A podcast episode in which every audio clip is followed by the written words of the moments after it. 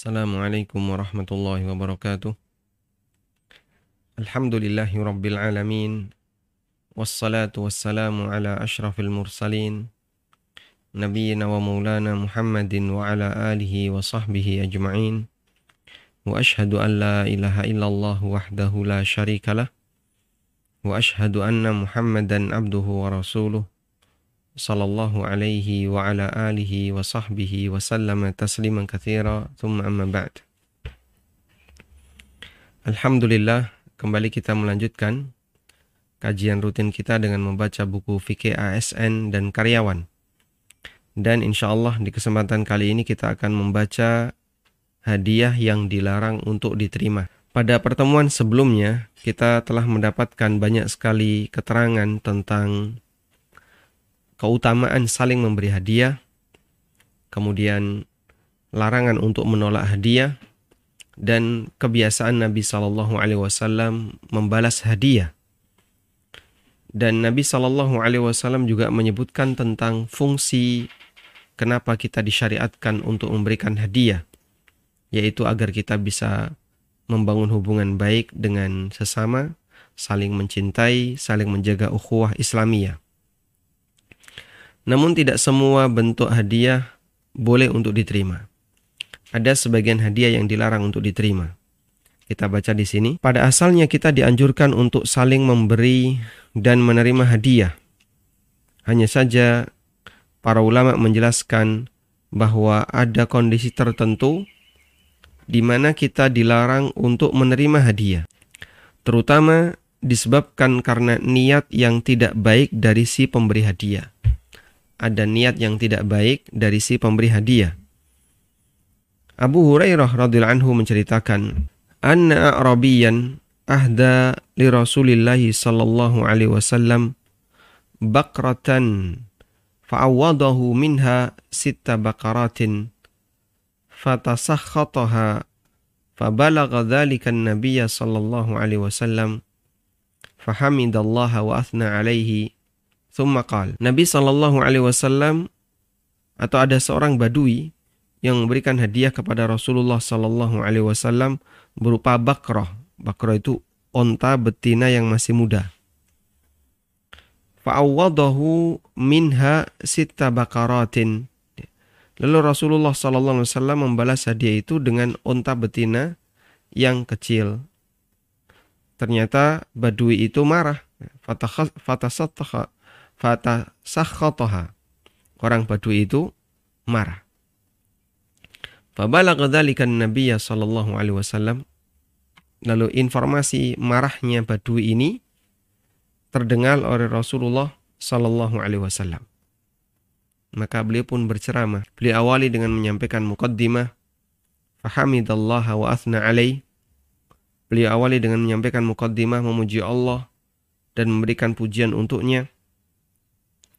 Thumma qala, kemudian Nabi SAW bersabda, Inna fulanan ahda ilayya naqatan, fa'awwatuhu minha sitta bakaratin, fadhalla sakhitan, walaqad hamamtu alla aqbal hadiyatan illa min qurashiyin, au ansariyin, au thaqafiyin, au dausi.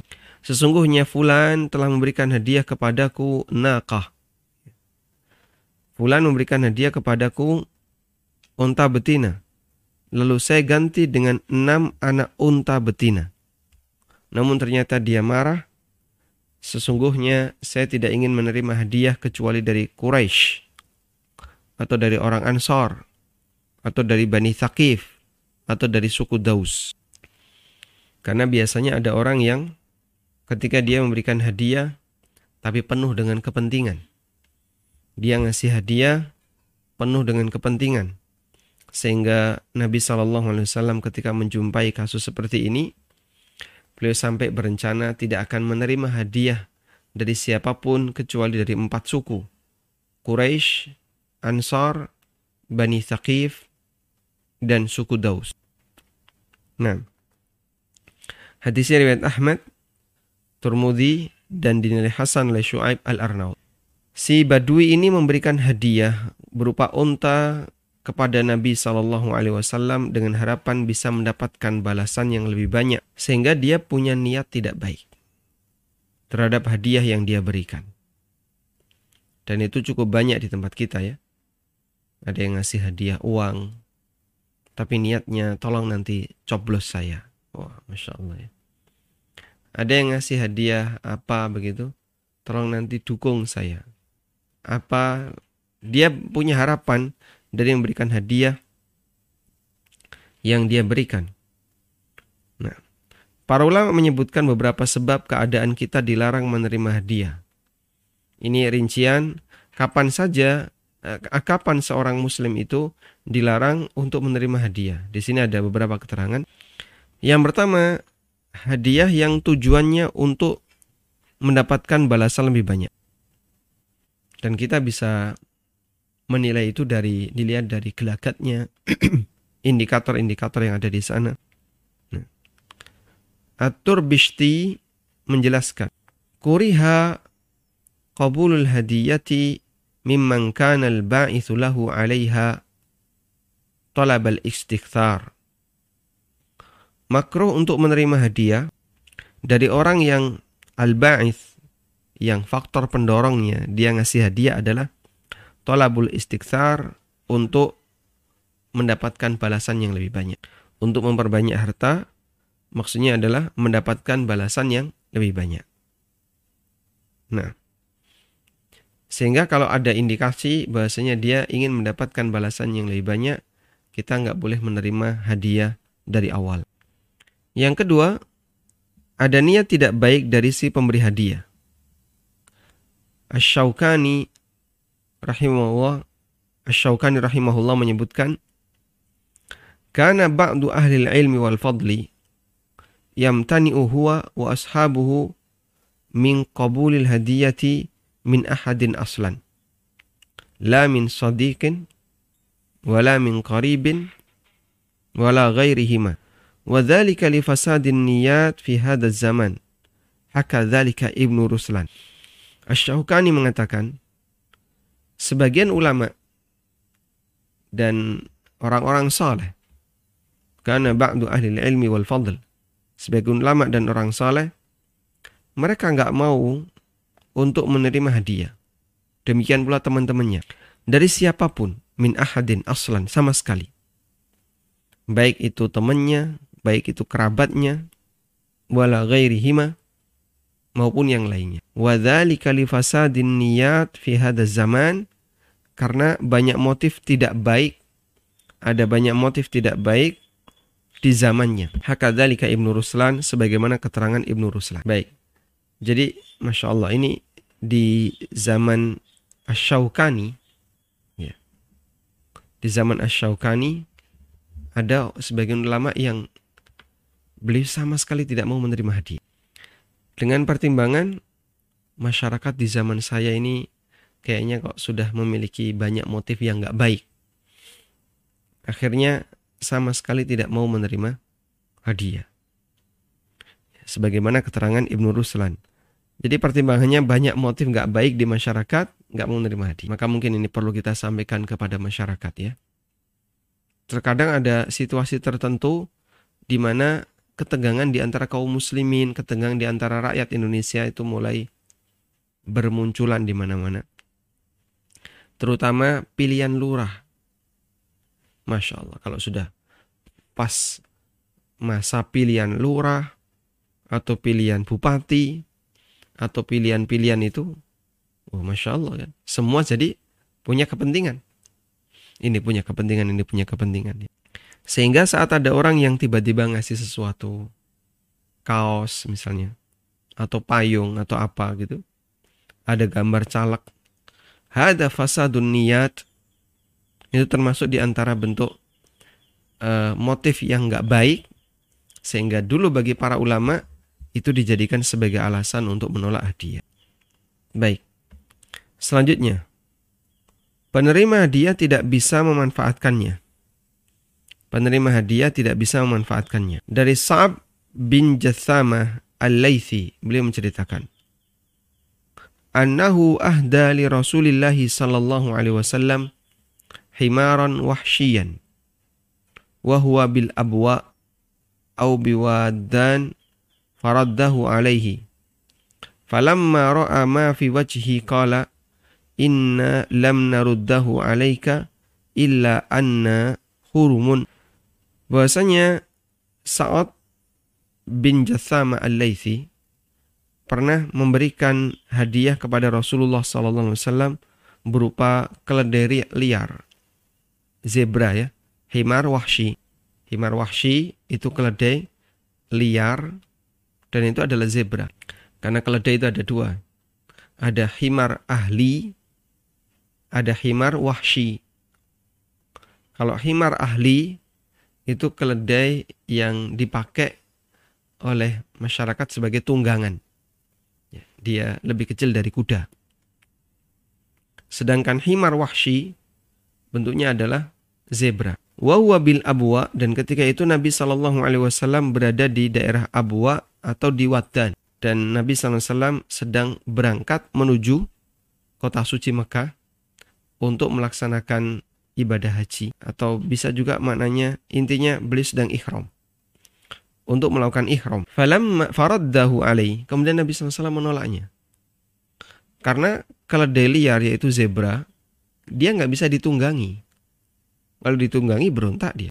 Sehingga zebra itu diapain? Zebra itu pilihannya disembelih untuk dimakan dagingnya. Padahal himar wahsy ini pasti adalah hasil dari buruan. Hasil dari memburu lalu dapat keledai liar. Faraddahu alaih akhirnya ditolak oleh Nabi SAW karena beliau nggak bisa memanfaatkannya. Falamma ra'a fi Ketika Nabi SAW melihat wajah Sa'ab bin Jathama al-Laythi, ini kok kayaknya orangnya sedih. Qala maka beliau sallallahu alaihi wasallam memberikan alasan kenapa beliau sallallahu alaihi wasallam tidak mau menerima. Beliau mengatakan, inna lam naruddahu alaika. Ya. tidak ada alasan lain aku menolak hadiah ini illa ana hurumun selain karena aku sedang ikhram muttafaqun alaih hadis riwayat Bukhari Muslim. Dan orang yang sedang ikhram tentu saja dia nggak bisa memanfaatkan keledai liar itu. Kalau dikasih keledai Cina mungkin dipakai untuk tunggangan. Tapi kalau dipakai untuk kalau keledai liar, dia nggak bisa dipakai tunggangan. Bisanya adalah disembelih, kemudian nanti dimakan dagingnya. Nah, kesimpulan dari keterangan di atas bahwa menerima hadiah tidak mutlak dianjurkan. Hukum menerima hadiah bisa berbeda tergantung keadaan orang yang diberi dan orang yang mendapatkan hadiah tergantung keadaan orang yang diberi atau orang yang mendapatkan hadiah, juga tergantung keadaan motivasi orang yang memberinya. Itu bisa berbeda-beda antara satu dengan yang lain. Walhamdulillahirobbilalamin. Baik, kita bisa ulang di sini bahwasanya ada beberapa hadiah yang kita eh, dilarang untuk menerimanya. Pertama, hadiah yang tujuannya dalam rangka untuk mendapatkan balasan yang lebih banyak. Berarti ini kembali kepada niat siapa? Si pemberi hadiah. Dapat balasan lebih banyak. Ini niatnya niat pemberi hadiah. Dia ingin dapat balasan yang lebih banyak. Yang kedua, ada niat yang nggak baik, motif yang nggak baik. Berarti ini juga niat dari pemberi hadiah. Yang ketiga, tidak bisa memanfaatkannya. Ini kembali kepada yang menerima hadiah. Ketika menjelaskan hadis ini, An-Nawawi rahimahullah mengatakan, hadis tentang Sa'ab bin Jathama, beliau mengatakan, Fihi annahu yustahabbu liman imtana'a min qabulil hadiyati wa nahwiha liudrin. Dalam hadis ini menunjukkan anjuran bagi orang yang menolak menerima hadiah karena udur tertentu hendaknya ayat tadir, hendaknya dia menjelaskan, hendaknya dia menjelaskan kenapa dia ilal uh, ayat tadir bidzalika ilal mah ilal muhdi tatyiban qalbihi. Hendaknya dia menjelaskan kepada yang memberi hadiah agar tidak menyakiti hatinya. Sehingga kita sampaikan mohon maaf Pak kami nggak bisa menerima karena nggak ada tempat. Atau kita sampaikan mohon maaf saya belum bisa menerima karena uh, kita nggak nggak doyan yang kayak gini. Antum dikasih duren misalnya. Saya bau duren itu pusing Pak. Jadi mohon maaf kalau saya dikasih hadiah duren itu saya nggak mau menerima. Baik. Tatyiban likalbihi. Dalam rangka untuk apa? Agar tidak menyakiti hatinya. Nah. Ya memang kita menghargai sebagian orang yang dia ingin memuliakan tamu atau memuliakan temannya atau siapa yang datang dari jauh akhirnya disediakan apa pun ya. Padahal bisa jadi tamu ini nggak doyan. Ada orang yang ngasih sesuatu gitu ya. Wah ini saya yakin ini mahal. Waktu itu ada orang ngasih udang, udang gede. Tapi mohon maaf, saya nggak begitu selera dengan yang seperti ini. Tapi beliau uh, selama memberikan toleransi nggak masalah, alhamdulillah. Sehingga jamaah dimakan Allah Subhanahu Wa Taala kalau kita dikasih hadiah oleh seseorang dan kita tidak berminat maka sampaikan i'tidar ya sampaikan alasan agar jangan sampai ada dugaan yang nggak baik ya. kok dia nggak mau nerima hadiah saya ya.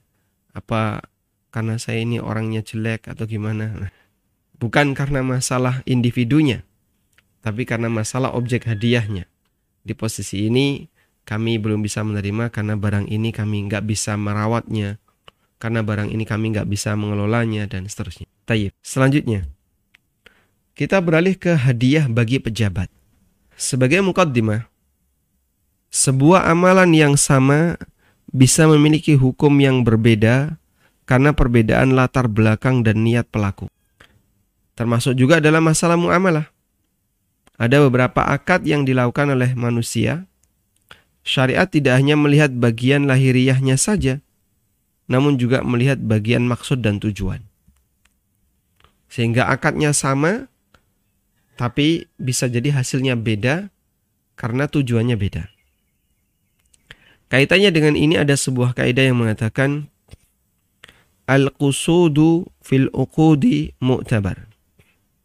Niat dalam akad itu diperhitungkan. Niat dalam akad diperhitungkan. Ibnu Qayyim menjelaskan wa qa'idatu syari'ati allati la yajuzu hadmuha. Kaidah syariat yang enggak boleh untuk dirusak. Innal maqasida wal i'tiqadati mu'tabaratun fit tasarrufat. Bahwasanya niat dan tujuan latar belakang keinginan itu diperhitungkan dalam transaksi. Wal ibarat demikian demikian pula pernyataan seseorang ketika dia melakukan akad. Kama hiya mu'tabarun fit taqarrubat wal ibarat.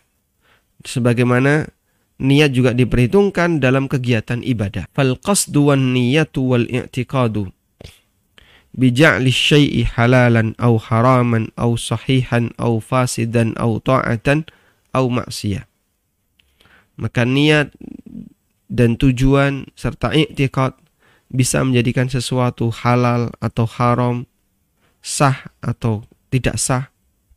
Ini ketaatan atau kemaksiat. Tergantung dari niat. Masya Allah. Karena Allah subhanahu wa ta'ala menghisap kita lahir batin.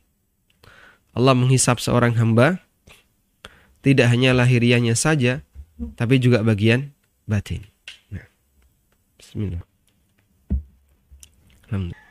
Sehingga yang dinilai dari perbuatan kita jamaah tidak hanya bagian lahiriah. Allah juga akan menilai bagian batin. Nah, kaitannya dengan ini, ada orang yang membela bagian yang salah lahiriahnya dengan batin. Dan sebaliknya ada yang membela kesalahan batinnya dengan lahiriah. Dan ini dua-duanya adalah perbuatan yang keliru salah satu salah tidak boleh dibela dengan pasangannya. Contoh ya. Lahiriahnya nggak benar. Tapi dibela dengan batin. Kamu jangan lakukan seperti ini. Ini tidak boleh. Duh, tapi kan niat saya baik. Nah, tapi niat saya baik. Sehingga praktek perbuatan lahiriahnya nggak benar, dibela dengan batin. Praktek perbuatannya itu nggak benar, tapi dibela dengan apa? Dengan saya kan punya niat yang baik. Mohon maaf Pak, kami tidak berurusan dengan niat Bapak. Tapi yang saya lihat, praktek Bapak seperti ini nggak benar. Nggak boleh. Baik. Ini dia membela uh, apa perbuatan yang salah dengan niat. Ada juga orang yang membela niat yang salah dengan perbuatan. Ya dia itu sebenarnya kayaknya punya gelagat yang nggak baik dia itu. Dia punya motif yang nggak benar. Kemudian dibela. Oh jangan suudon dulu. Lihat lahiriahnya kayak gitu. Yang penting kan prakteknya seperti ini. Yang penting kan prakteknya. Kalimatnya biasanya yang penting kan prakteknya seperti ini. Terlepas dari niatnya. Ini juga nggak benar. Ya. Sehingga ada orang yang dia membela bagian batin yang salah dengan lahiriah. Yang penting kan prakteknya. Ya, ya sudah dijalani dulu. Nggak ikhlas nggak apa-apa. Yang penting prakteknya kamu sholat. Yang penting prakteknya, yang penting prakteknya. Biasanya kalimatnya yang penting prakteknya. Itu mau membela niat yang nggak baik dengan amalan dohir. Sebagaimana ada orang yang membela kesalahan dalam amal lahiriah dengan niat yang baik. Padahal dua-duanya harus benar. Sebagaimana lahiriah harus benar, batin juga harus benar. Nah, di sini kita kasih contoh ya. Misalnya tentang wasiat yang dilakukan oleh si calon mayit. Ya. Calon mayit singkatannya camat ya. Calon mayit. Calon mayit ini melakukan wasiat dan ini boleh dilakukan selama tidak ada niat untuk merugikan ahli waris.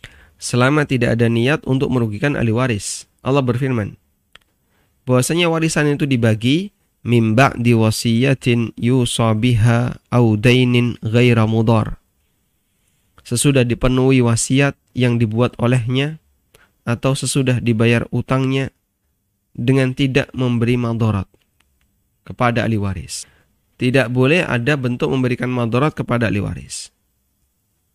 Pemberian wasiat didahulukan sebelum pembagian warisan. Dengan syarat wasiat itu tidak diniatkan untuk merugikan ahli waris.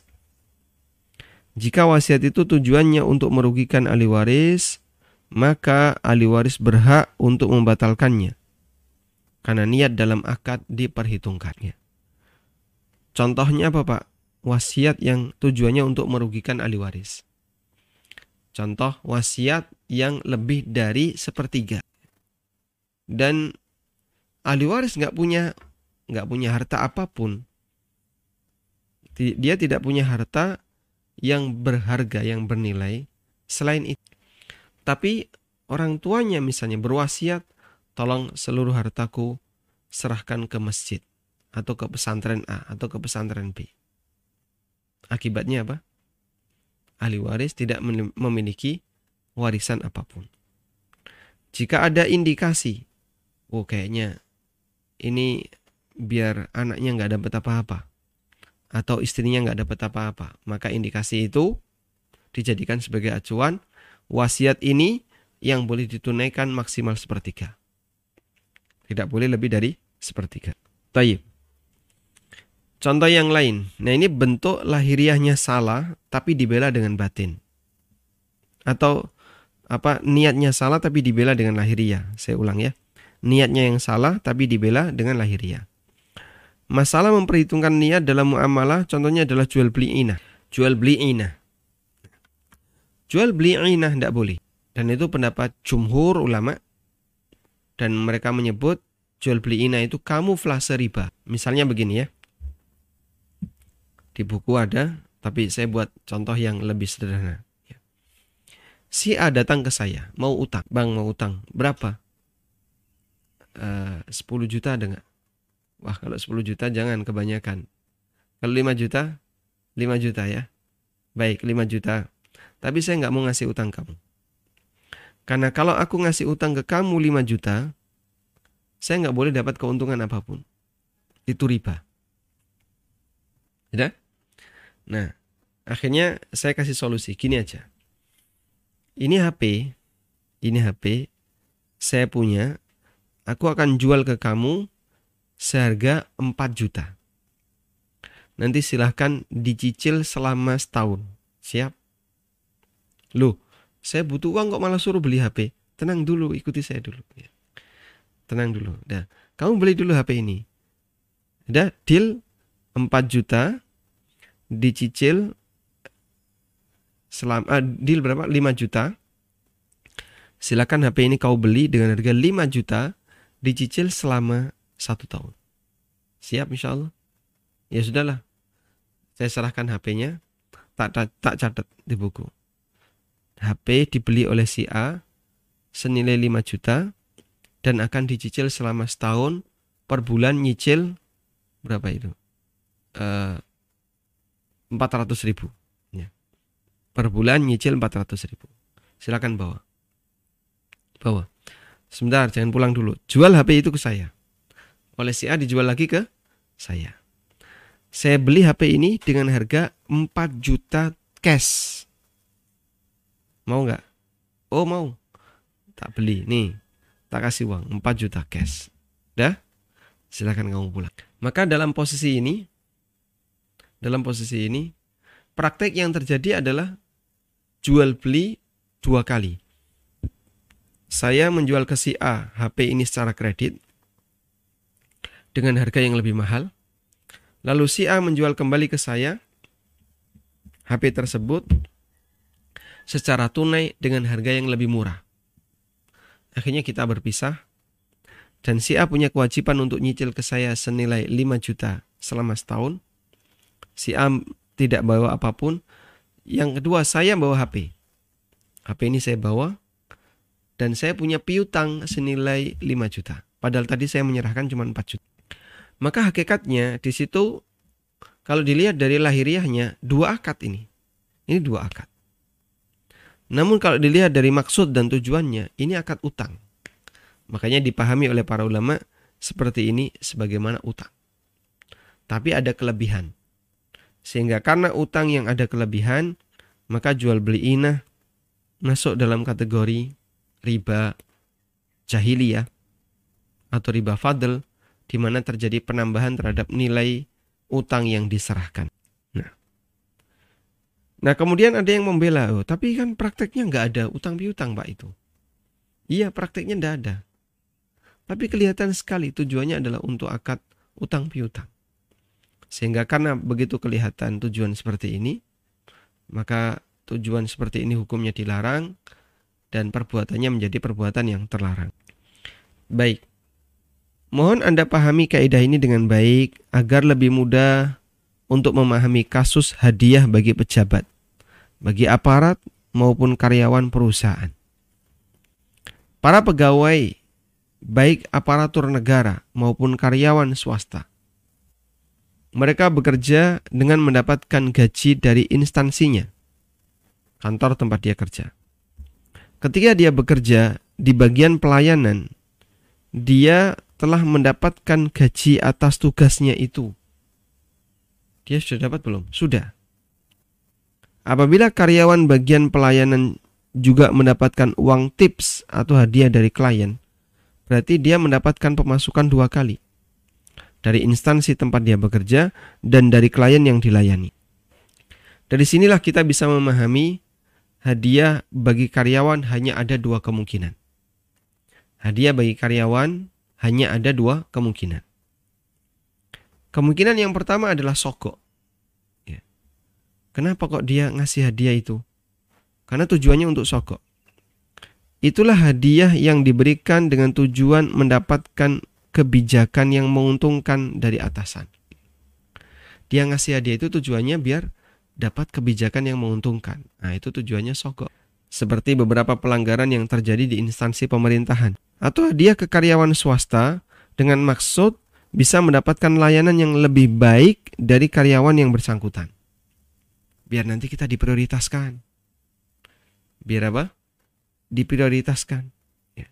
daripada nanti ribut gara-gara ngantri beli mie ya, sampai bikin berantem Iya. Masya Allah ya. Akhirnya nyogok karyawannya ketika kita pesan langsung dilayani. Termasuk seperti supplier yang memberikan hadiah bagi karyawan bagian gudang agar produknya lebih diprioritaskan. Dan ada seperti itu. Mas tolong ini nanti taruh di luar ya. Displaynya yang bagus. Nah, kemudian kasih amplop. Ini titip. Titip saya kita kan. Ini titip. Nah, akhirnya langsung di saku. Masukkan saku itu pun keliru-keliru ya. Kenapa? Karena dia kaget. Ya, dia dia kagol, malu kelihatan orang lain, malu kelihatan karyawan yang lain. Ya, coba itu kalau ketahuan atasan ya, ya dia bisa dipecat. Makanya masukkan itu kadang dimasukkan, pokoknya sak sais yang penting melebu, terserah yang penting masuk. Ada salah satu kawan yang bercerita ya, tapi ini di instansi tertentu. Pokoknya kalau lewat ini bawa barang tertentu, beli penjual emas. Beliau penjual emas, kalau tidak salah ini di bandara. Jadi di scan kelihatan ini emas. Nah kadang dipersulit untuk bisa berhasil masuk. Akhirnya repot beliau. Udah dikasih seribu rupiah. Begitu barang keluar, datang petugas mau ngecek pak ini apa langsung jak salaman. Yes. Titip mas ya dia megang uang seribu rupiah itu langsung dipegang kenceng-kenceng dimasukkan ke saku masukkan ke saku seribu rupiah terus gimana pak yes, terserah ya. Saya tanya setelah itu terus gimana yes, terserah saya nggak mikir ya. yang penting saya sudah lolos barang saya. Masa harus dipersulit uang kayak gini? Tidak harus ada izin ya. Ini penerbangan domestik bukan penerbangan uh, internasional. Jadi dia ngasih seribu itu uh, megangnya itu kuat-kuat kenceng langsung dimasukkan ke saku jangan sampai ketahuan teman-teman yang lain. Kalau ketahuan bisa berbahaya. Saya yakin bisa jadi setelah itu petugasnya ke toilet. Pengen ngecek berapa kira-kira. Subhanallah. Kalau seribu sakit hati. Nah, kita sepakat perbuatan semacam ini termasuk tindakan kejahatan. Baik. Sehingga untuk jenis yang pertama, hadiah yang diberikan dengan maksud sogo atau riswah, ini hukumnya haram dan termasuk kejahatan. Yang kedua, yang kedua, kemungkinan yang kedua kenapa dia ngasih hadiah? Karena ini sebagai ucapan terima kasih atas layanannya. Keadaan ini membuat karyawan akan memberikan layanan yang berbeda kepada masing-masing pelanggan sesuai besaran tips. Sesuai besaran tips. Pelanggaran yang memberi tips akan mendapatkan layanan yang uh, pelanggan bukan pelanggarannya. Pelanggan yang memberikan tips akan mendapatkan layanan yang lebih. Sementara yang tidak memberi tips layanannya tidak sebagaimana yang pertama. Jadinya orang tidak istiqomah, tidak tidak apa? Tidak seimbang dalam memberikan layanan. Kenapa? karena ada yang berpihak kepadanya dan ada yang tidak berpihak kepadanya. Karena itu, hadiah bagi karyawan yang memiliki tujuan yang sangat jauh dari tujuan awal disyariatkannya hadiah, yaitu dalam rangka menciptakan suasana kasih sayang. Ngasih hadiah ini gak ada tujuan dalam rangka menciptakan suasana kasih sayang.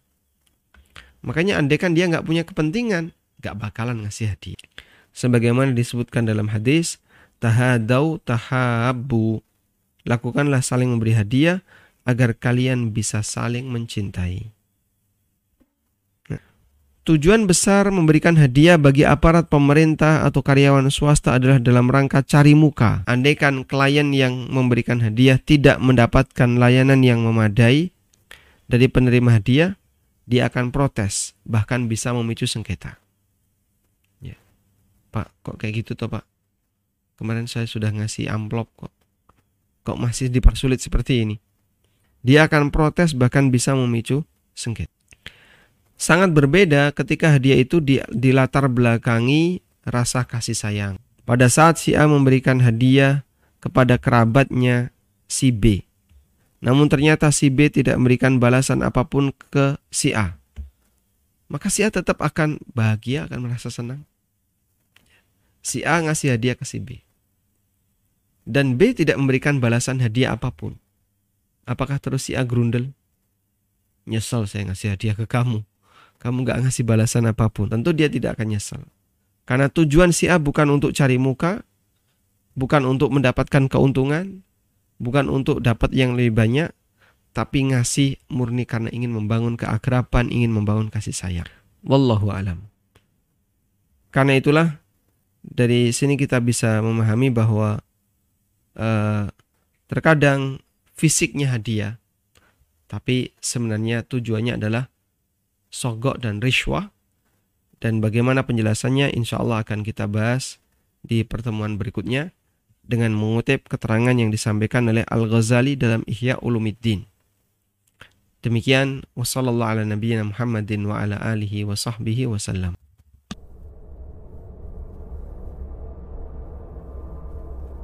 Nabi sallallahu alaihi wasallam menceritakan dalam sebuah hadis riwayat Bukhari Muslim bahwa kelak di hari kiamat ada koruptor yang minta tolong kepada Rasulullah sallallahu alaihi wasallam.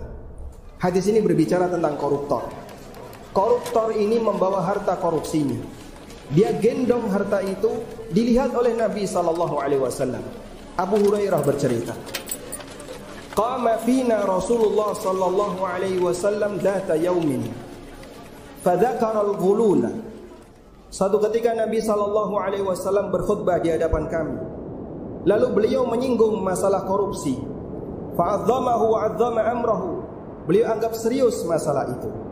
Thumma qala, lalu beliau bersabda, La ulfiyanna ahadakum yaji'u yawmal qiyamati ala raqabatihi ba'irun lahu rudha.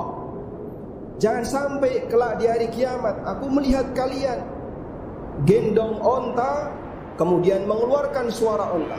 Sehingga onta itu sambil mengeluarkan mengeluh suara mengeluh, mengeluarkan suara onta mengeluh mengeluh. Yaqulu kemudian orang ini mengatakan Ya Rasulullah agisni Ya Rasulullah tolonglah aku, tolonglah. Koruptor ini minta tolong kepada Nabi SAW Artinya mereka saling melihat.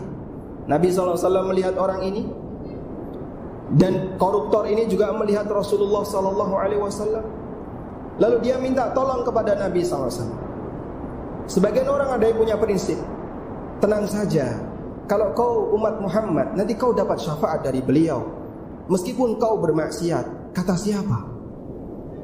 Orang ini dosa, si pendosa ini bawa maksiatnya di hari kiamat, minta tolong, minta syafaat kepada Nabi wasallam. Lalu apa yang beliau katakan?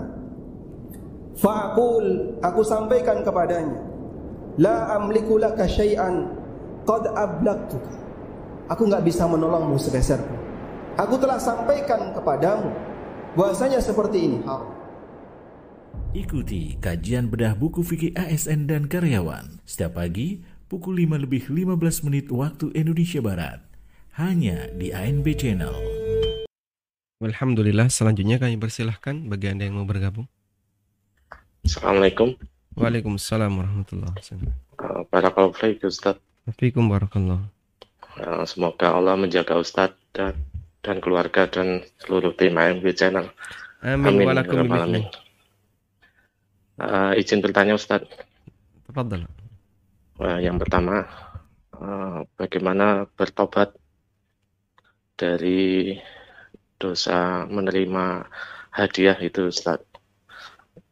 Padahal uh, uang yang sudah kita terima itu dalam jumlah yang banyak.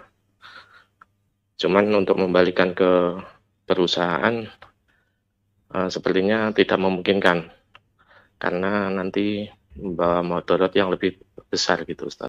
Uh, saya sih sudah berniat untuk uh, mengembalikan dengan menjual aset gitu ya.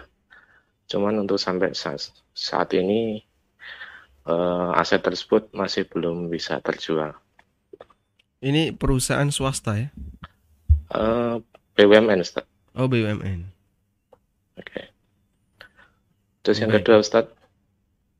Ada uh, mekanisme nggak Pak untuk bisa menyerahkan uang itu ke instansi tersebut dengan cara transfer atau apa yang bisa Bapak ketahui? Kalau rekening BUMN ada sih Ustaz. Hmm. Ada. Ya kemungkinan bisa. Uh, cuman saya khawatir nanti kan bisa di tracking ya. Hmm. Uh, untuk ini rekeningnya dari mana gitu kan. Saya khawatirnya gitu sih Ustaz. Hmm. Baik. Oke. Terus yang kedua Ustaz, Afwan. Uh, saya punya kasus uh, seperti ini ya. Uh, jadi gimana hukumnya? Uh, saya punya usaha usaha roti gitu ya. Mm-hmm. Saya akad dengan konsumen uh, untuk pembelian roti senilai 20.000 gitu misalnya. Nah, kata Allah akad sudah terjadi, saya tanya lokasi si konsumen ini ternyata agak jauh. Nah, saya menyewa urut kurir, uh, misal uh, ongkosnya 5.000 untuk mengantar barang. Dan kodarullah lagi di tengah jalan, konsumen ini tidak bisa transfer secara tunai. Dia maunya uh, membayar ke kurirnya. Nah, si kurir ini uh, karena dia menalangi dulu ya, Ustaz. Jadi uh, akad dengan saya, si kurir ini dia menalangi uang uh, hasil transaksi saya dengan konsumen. Nah, sehubungan dengan menalangi dulu, si kurir ini uh, ngecas tambahan 2% untuk jasa ongkirnya. Jadi uh, total yang dibayar si konsumen itu 25.000 plus 2% transaksi ya Ustaz. Jadi 25.400 ya, karena 2% dari transaksi 20.000. Nah ini hukumnya riba atau seperti apa ya Ustaz? Mohon Di, pencerahannya. 2% dari nilai uh, utang. Transaksi, iya. Dari nilai transaksi. Uh, iya. Baik.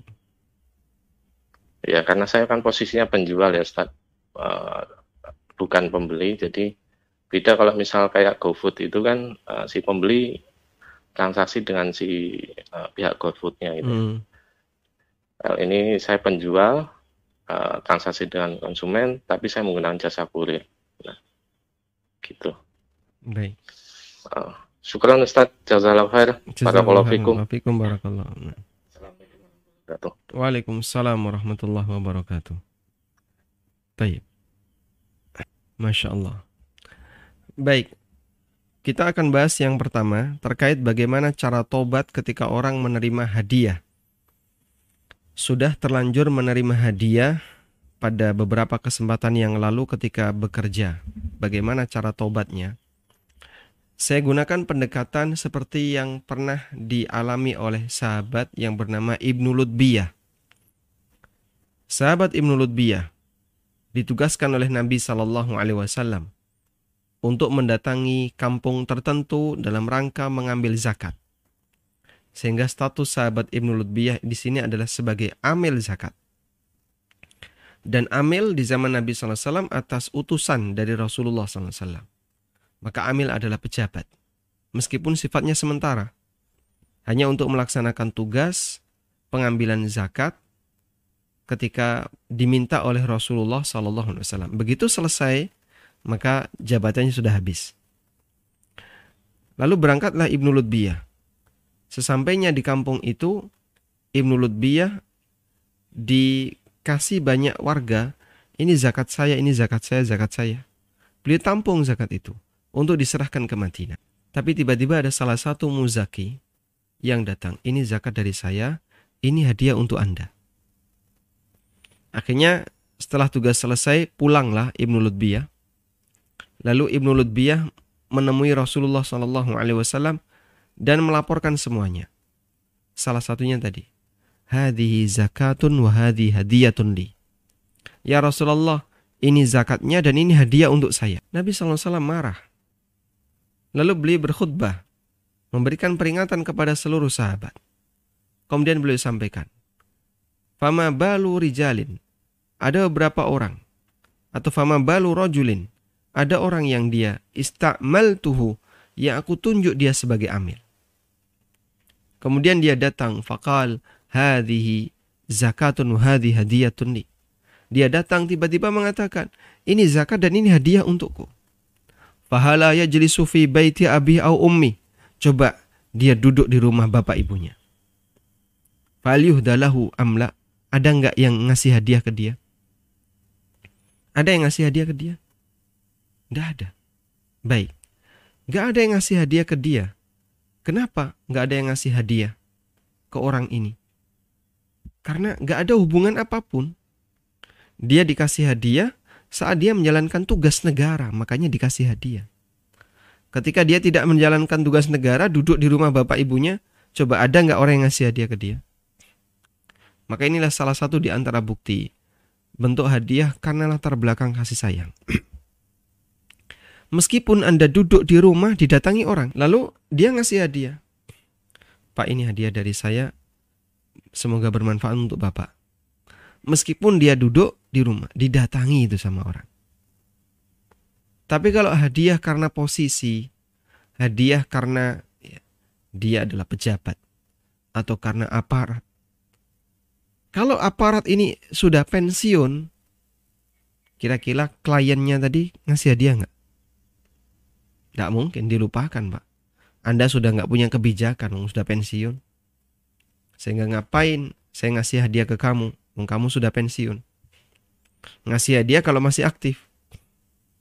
Makanya dari mana alasan hadiah kepada aparat, kepada pejabat? Oh itu dalam rangka untuk membangun kasih sayang. Biar kita lebih akrab. Bukan, itu punya kepentingan. Nah maka ukurannya kayak tadi Nabi SAW mengatakan Coba dia duduk di rumah bapak ibunya Tidak menjalankan tugas Ada nggak orang yang datang ngasih hadiah ke dia Coba itu para aparat atau apa misalnya uh, para pejabat ya. Dia kalau udah pensiun, kalau udah purna, nggak menjabat, ada nggak yang ngasih hadiah? Wong dia nggak bisa dimanfaatkan lagi, nggak punya kekuatan untuk mempengaruhi kebijakan. Nggak ada orang yang ngasih hadiah. Maka dari mana bisa dikatakan hadiahnya dalam rangka untuk membangun rasa cinta, untuk membangun ukhuwah Islamiyah? Itu hadiah karena ada kepentingan. Baik. Terus setelah Ibnu Lutbiyah melaporkan itu dan dimarahi oleh Rasulullah Wasallam, kemudian disebutkan dalam sebagian riwayat atau disebutkan dalam sebagian keterangan bahwa hadiah itu diambil oleh Nabi Wasallam dan tidak dikembalikan kepada pemberi hadiah, tapi diserahkan ke Baitul Mal. Ya. Diambil lalu diserahkan ke Baitul Mal. Nah, ketika diserahkan ke Baitul Mal, berarti milik kaum muslimin. Tayyib.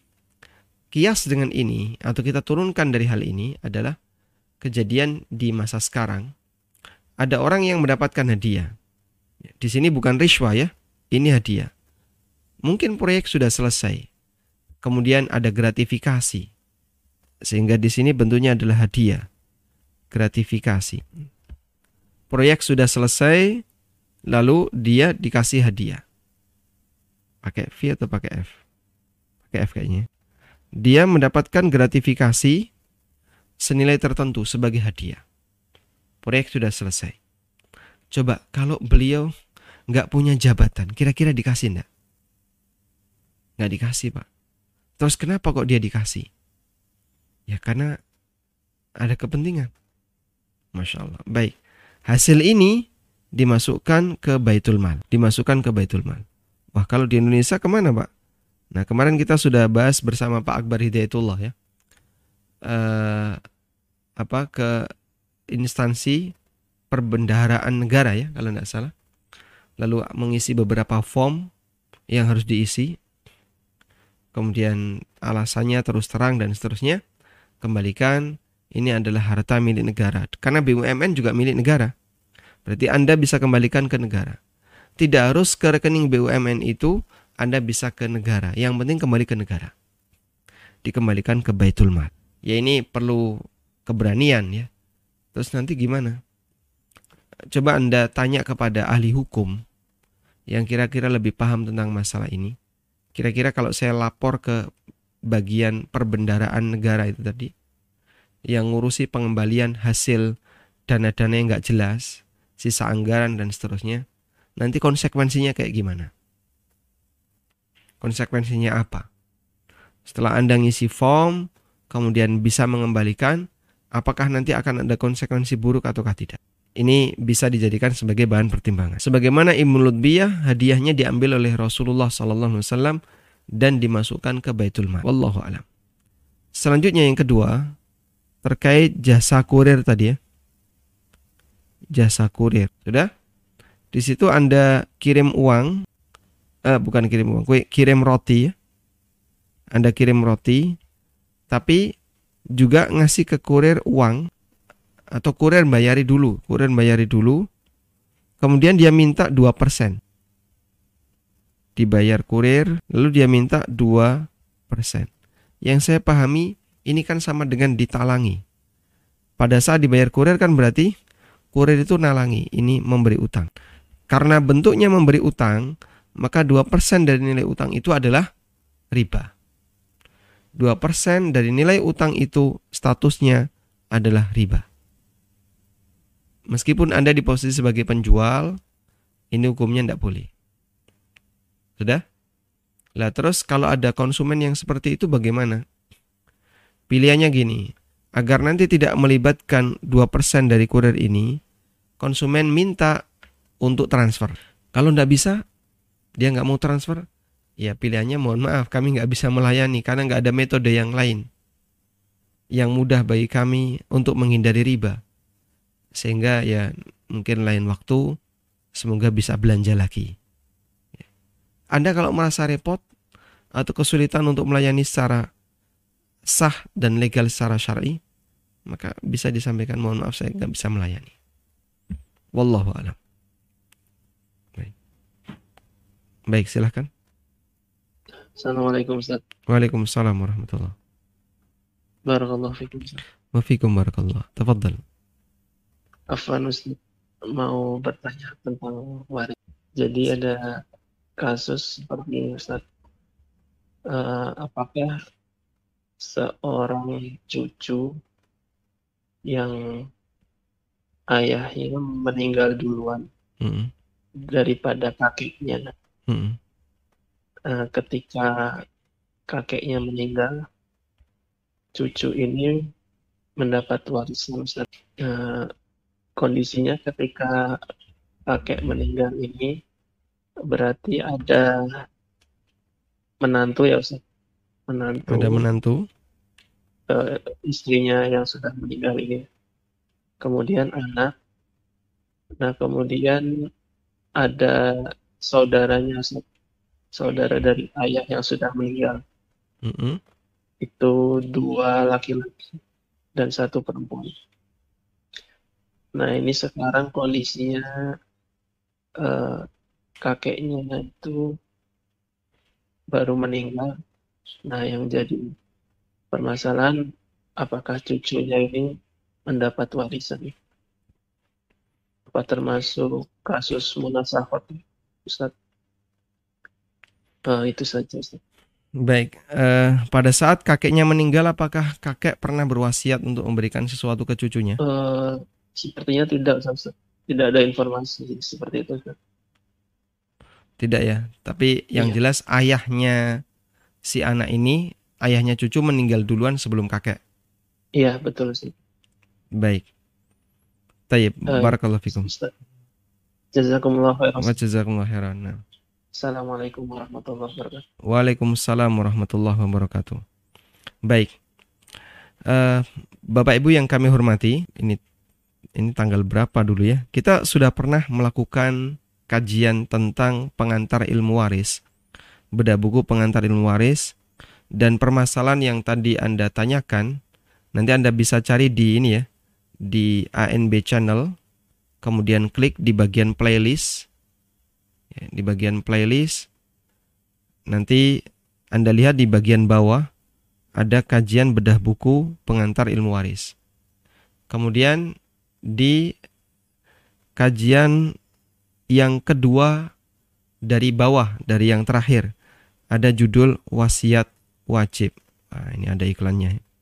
Ada judul wasiat wajib. Nah, ini membahas tentang model tadi. Ada orang yang meninggal dunia, sementara eh, dia punya anak yang anaknya ini termahjub. Ah, Dia punya cucu yang cucunya ini termahjub dengan beberapa anaknya. Nah, apakah cucu ini nanti berhak dapat sesuatu dari kakeknya ataukah tidak? Baik. Sehingga kalau kita buat skema, kita kalau buat skema ya, tadi anaknya berapa tadi? A plus B misalnya. Anggaplah misalnya punya empat anak gitu ya. X, Y, Z, P.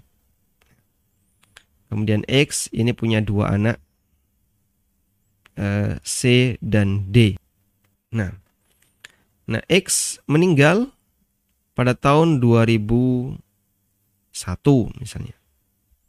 Lalu B, lalu A ini sebagai kakek meninggal pada tahun 2005 misalnya. Berarti empat tahun berikutnya barulah A meninggal. Di sini tidak menggunakan metode munasahot. Munasahot itu intinya begini. Ada orang yang meninggal, kemudian dia meninggalkan warisan, tapi warisan itu belum dibagi sampai ada orang lain, sampai ada ada sampai ada ahli warisnya yang meninggal.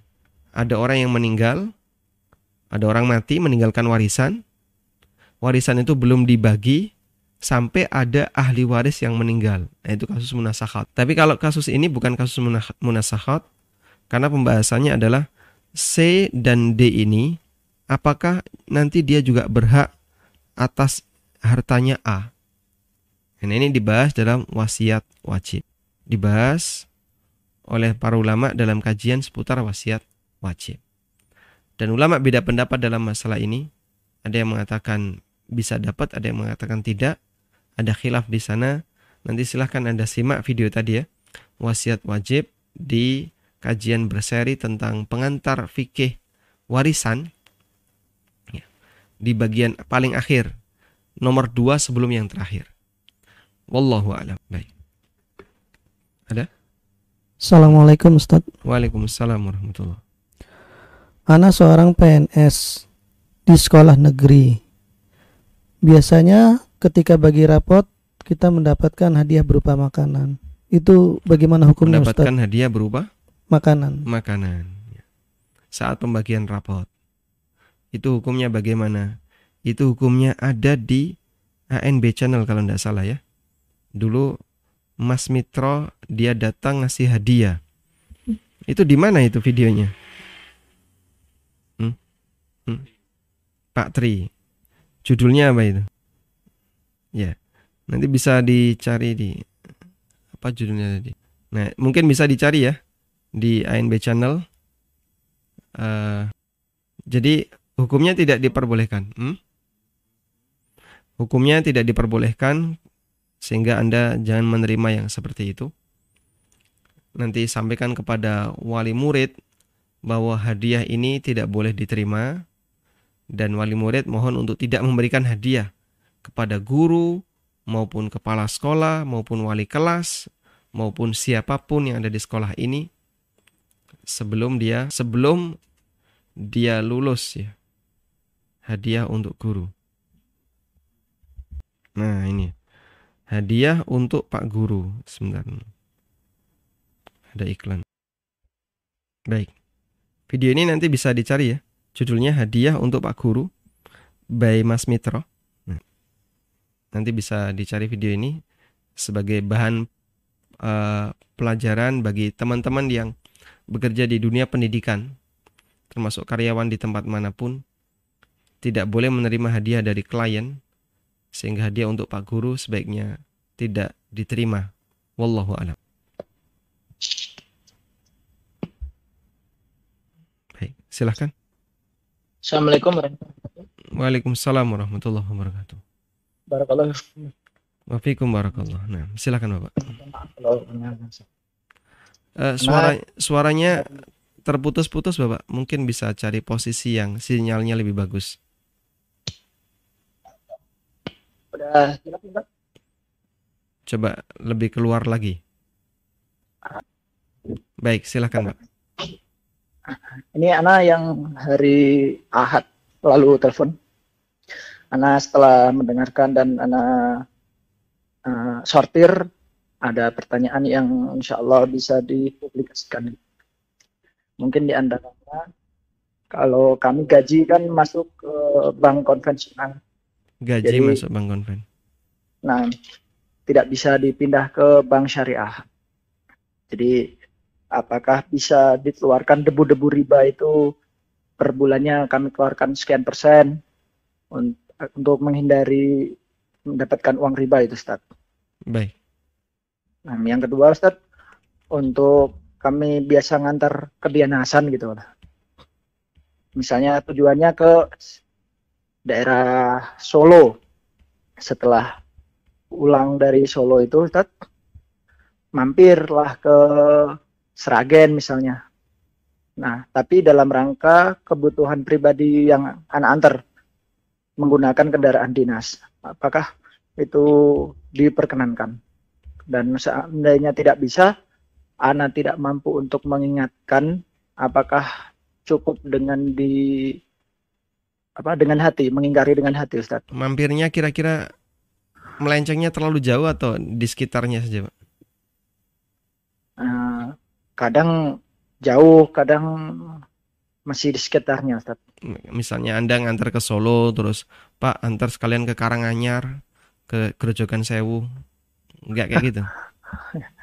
Kadang ke tempat-tempat wisata juga Ustaz. Baik, Masya Allah. Dan kalau seandainya Ustaz, kalau misalnya anak ngantar ke Solo, anak asli Jepara. Hmm, Nah, anak izin untuk apa eh, pulang ke Jepara, mampir untuk menengok orang tua gitu Ustaz. hmm. Nah, apakah itu halal Ustaz? Satu Atau jalur, harus izin? satu jalur dengan itu. Beda Ustadz, misalnya ke Semarang. Nah, anak ke Jepara kan masih lurus lagi ke sana Ustadz. Iya, Masih menyimpang, nah, menyimpangnya jauh ya. Nah, tapi beliaunya yang anak antar itu tinggal di Semarang gitu. Hmm, Jadi anak izin tidak memakai kendaraan dinas, anak pakai kendaraan umum pribadi hmm. ke Jepara. Setelah itu beliau mau kembali lagi ke Bandung. Anak balik ke Semarang jemput beliau, kemudian perjalanan ke Bandung lagi gitu. Masya Allah. Barik. Barakallahu fiik. Wafikum barakallah syukran jazakallah khairan Ustaz. Wa jazakum khairan. Assalamualaikum warahmatullahi wabarakatuh. Waalaikumsalam warahmatullahi wabarakatuh. Baik. Yang pertama untuk masalah penggajian melalui bank konven. Jadi beberapa kali sudah kita bahas ya tentang niat dan latar belakang menabung di bank. Niat menaruh uang di bank atau menabung di bank. Itu kan ada beberapa niat ya. Ada yang pertama niatnya adalah dalam rangka untuk keamanan. Ada orang yang niatnya dalam rangka untuk kemudahan transaksi, kemudahan transaksi. Dan ada yang niatnya dalam rangka untuk investasi. Dan sering kita tegaskan untuk bagian yang terakhir ini tidak direkomendasikan. Sehingga jangan sampai kita melibatkan diri dengan bank dengan maksud untuk bisa mendapatkan keuntungan. Niat investasi itu berarti tujuannya biar dapat untung, duitnya berkembang. Baik, kasus yang Bapak alami di posisi nomor 2 untuk kemudahan transaksi.